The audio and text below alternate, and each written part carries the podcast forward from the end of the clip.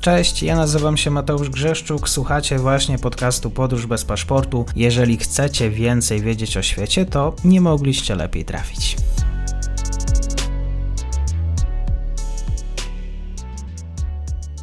Dzień dobry wszystkim słuchaczom. Dzisiaj moim gościem jest Jakub Bielamowicz, komentator polityki europejskiej, w szczególności bałkańskiej na tym podcaście. Dzień dobry, dziękuję za przyjęcie zaproszenia.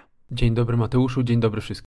Ostatnie dni to medialne doniesienia na temat planów e, przeprowadzenia zamachu na prezydenta Aleksandra Vucicia, do którego miało dojść w pierwszej połowie lutego. Jakubie, czym prezydent naraził się czarnogórskim przestępcom? No, przez te wszystkie lata rządów Vucicia, tych grup zamachów lub dopiero co udaremnionych zamachów było już co najmniej kilka bo Aleksander Vucic stoi na czele Serbii już od 8 lat. Najpierw w 2014 roku został premierem, 3 lata później został prezydentem. I pierwszy raz o planowanym zamachu na Vucicia, wtedy jeszcze premiera, usłyszeliśmy w 2016, kiedy to na przedmieściu Belgradu pod domem Vucicia znaleziono samochód wyładowany broń. Wówczas mówiło się, że był to plan wysadzenia go w powietrze. Potem były doniesienia z kolei kolportowane przez y, głównie prorządowe media o kolejnej próbie zamachu na Vucicia, do której miało dojść podczas niegroźnej kolizji drogowej z udziałem kolumny prezydenta. Także miniony rok 2021 był szczególnie obfity w tego typu spekulacje i teorie spiskowe. Zaskakujące w tych wszystkich historiach jest to, jak szybko one są ujawniane, bo zanim tak naprawdę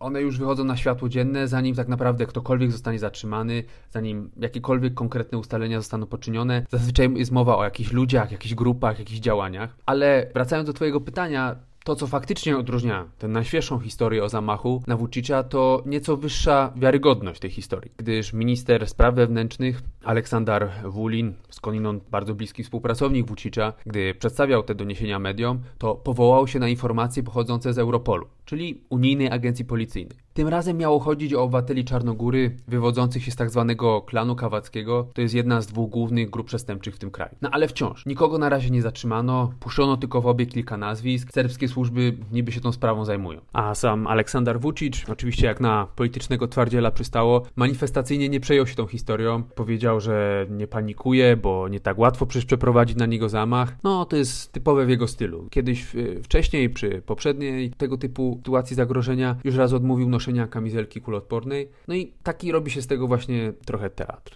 Właściwie o co chodzi w tych wszystkich doniesieniach o kolejnych próbach zamachu, bo to nie jest pierwsze i pytanie, czy tutaj prezydent nie chce zbić na tym e, politycznego kapitału. Myślę, że można powiedzieć, że jest to już niemalże stale powracający motyw serbskiej polityki, który zdaje się na Serbach robić coraz mniejsze wrażenie. Wręcz y, staje się takim no, powodem do żartu, bo za każdym razem, gdy pojawiają się jakieś kłopoty w Serbii, lub może trzeba odwrócić uwagę Serbów od jakichś trudności, to pojawiają się w mediach, zwłaszcza w tych publicznych lub innych zależnych od aparatu władzy, doniesienia o planowanym lub już nawet udaremnionym zamachu na życie prezydenta. I pamiętajmy tutaj o bardzo ważnej rzeczy. Atak, czy nawet sama groźba ataku prezydenta jest przedstawiana, utożsamiana w tym przypadku z atakiem atakiem na samą Serbię. Bo Vucic jest w tej całej historii, w tym całym teatrze przedstawiany jako prawdziwy obrońca ludu. Obrońca tego zwykłego człowieka i dlatego w ten sposób Vucic naraża się regularnie różnym oligarchom, grupom interesu, którzy teraz na niego polują, chcą go zabić. Co ciekawe, podobną retorykę u schyłku rozpadającej się Jugosławii stosował sam Slobodan Milošević, u którego zresztą Vucic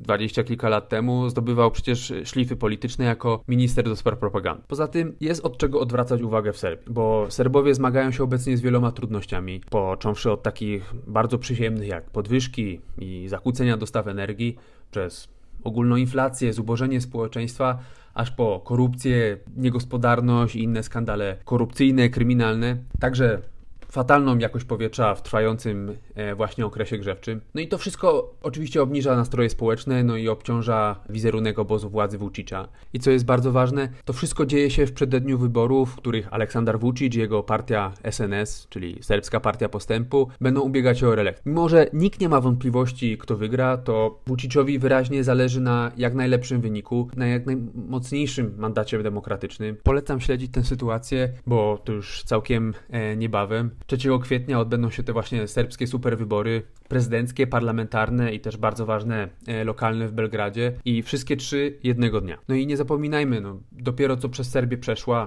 częściowo nadal przechodzi fala masowych protestów ekologicznych. Rozmawialiśmy też o nich Mateuszu w nie tak dawnym podcaście. Myślę, że możemy zachęcić zainteresowanych do odsłuchania także tamtej rozmowy. Ale jeszcze last but not least, myślę, że istotnym czynnikiem w historiach o zamachach na Vucicia jest także pretekst, jaki one kreują w, w sytuacjach tego typu zagrożenia. Chodzi o pretekst do jeszcze większej aktywności aparatu represji, służb specjalnych, zwłaszcza w odniesieniu do tych, którzy mają inne zdanie niż obecna władza w Serbii i na dodatek nie boją się go wyrażać. No nawet jeden z psychologów społecznych nazwał tego typu e, mechanizmy, tego typu komunikację jako typową dla reżimów autokratycznych czy totalitarnych. Pozostaje mi zapytać, czy serbska polityka zna tego typu historie z przeszłości, właśnie zamachów na przywódców państw? Motyw zamachu, mordu motywowanego politycznie nie jest w serbskiej polityce, że tak powiem, tak całkiem od czapy, bo e, niebawem minie 20 lat od zamachu na urzędującego premiera Serbii, Zorana Dżindżicza, który po zakończeniu bałkańskich wojen, rozpadzie Jugosławii, obrał wyraźnie kurs polityczny na zachód, na integrację europejską, chcąc także oczyścić Serbię z gangów, klanów przestępczych. No i zapłacił za to najwyższą cenę, bo został postrzelony tuż przed wejściem do swojego urzędu w centrum Belgradu przez człowieka wywodzącego się z jugosłowiańskich służb specjalnych, powiązanego z tak zwanym klanem zemuńskim. No, plus było jeszcze kilka pomniejszych politycznych mordów, no ale to już może Mateusz zostawimy dla najbardziej dociekliwych. I serdecznie dziękuję za ten komentarz. Jakub Bielamowicz był moim gościem. Zapraszam też do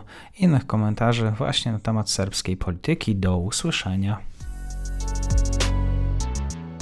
I to już koniec na dzisiaj. Zapraszam na profil podcastu Podróż bez paszportu na Facebooku, Instagramie i Twitterze. Zachęcam też do wsparcia mojej pracy na serwisie Patronite oraz Buy Coffee. Do usłyszenia.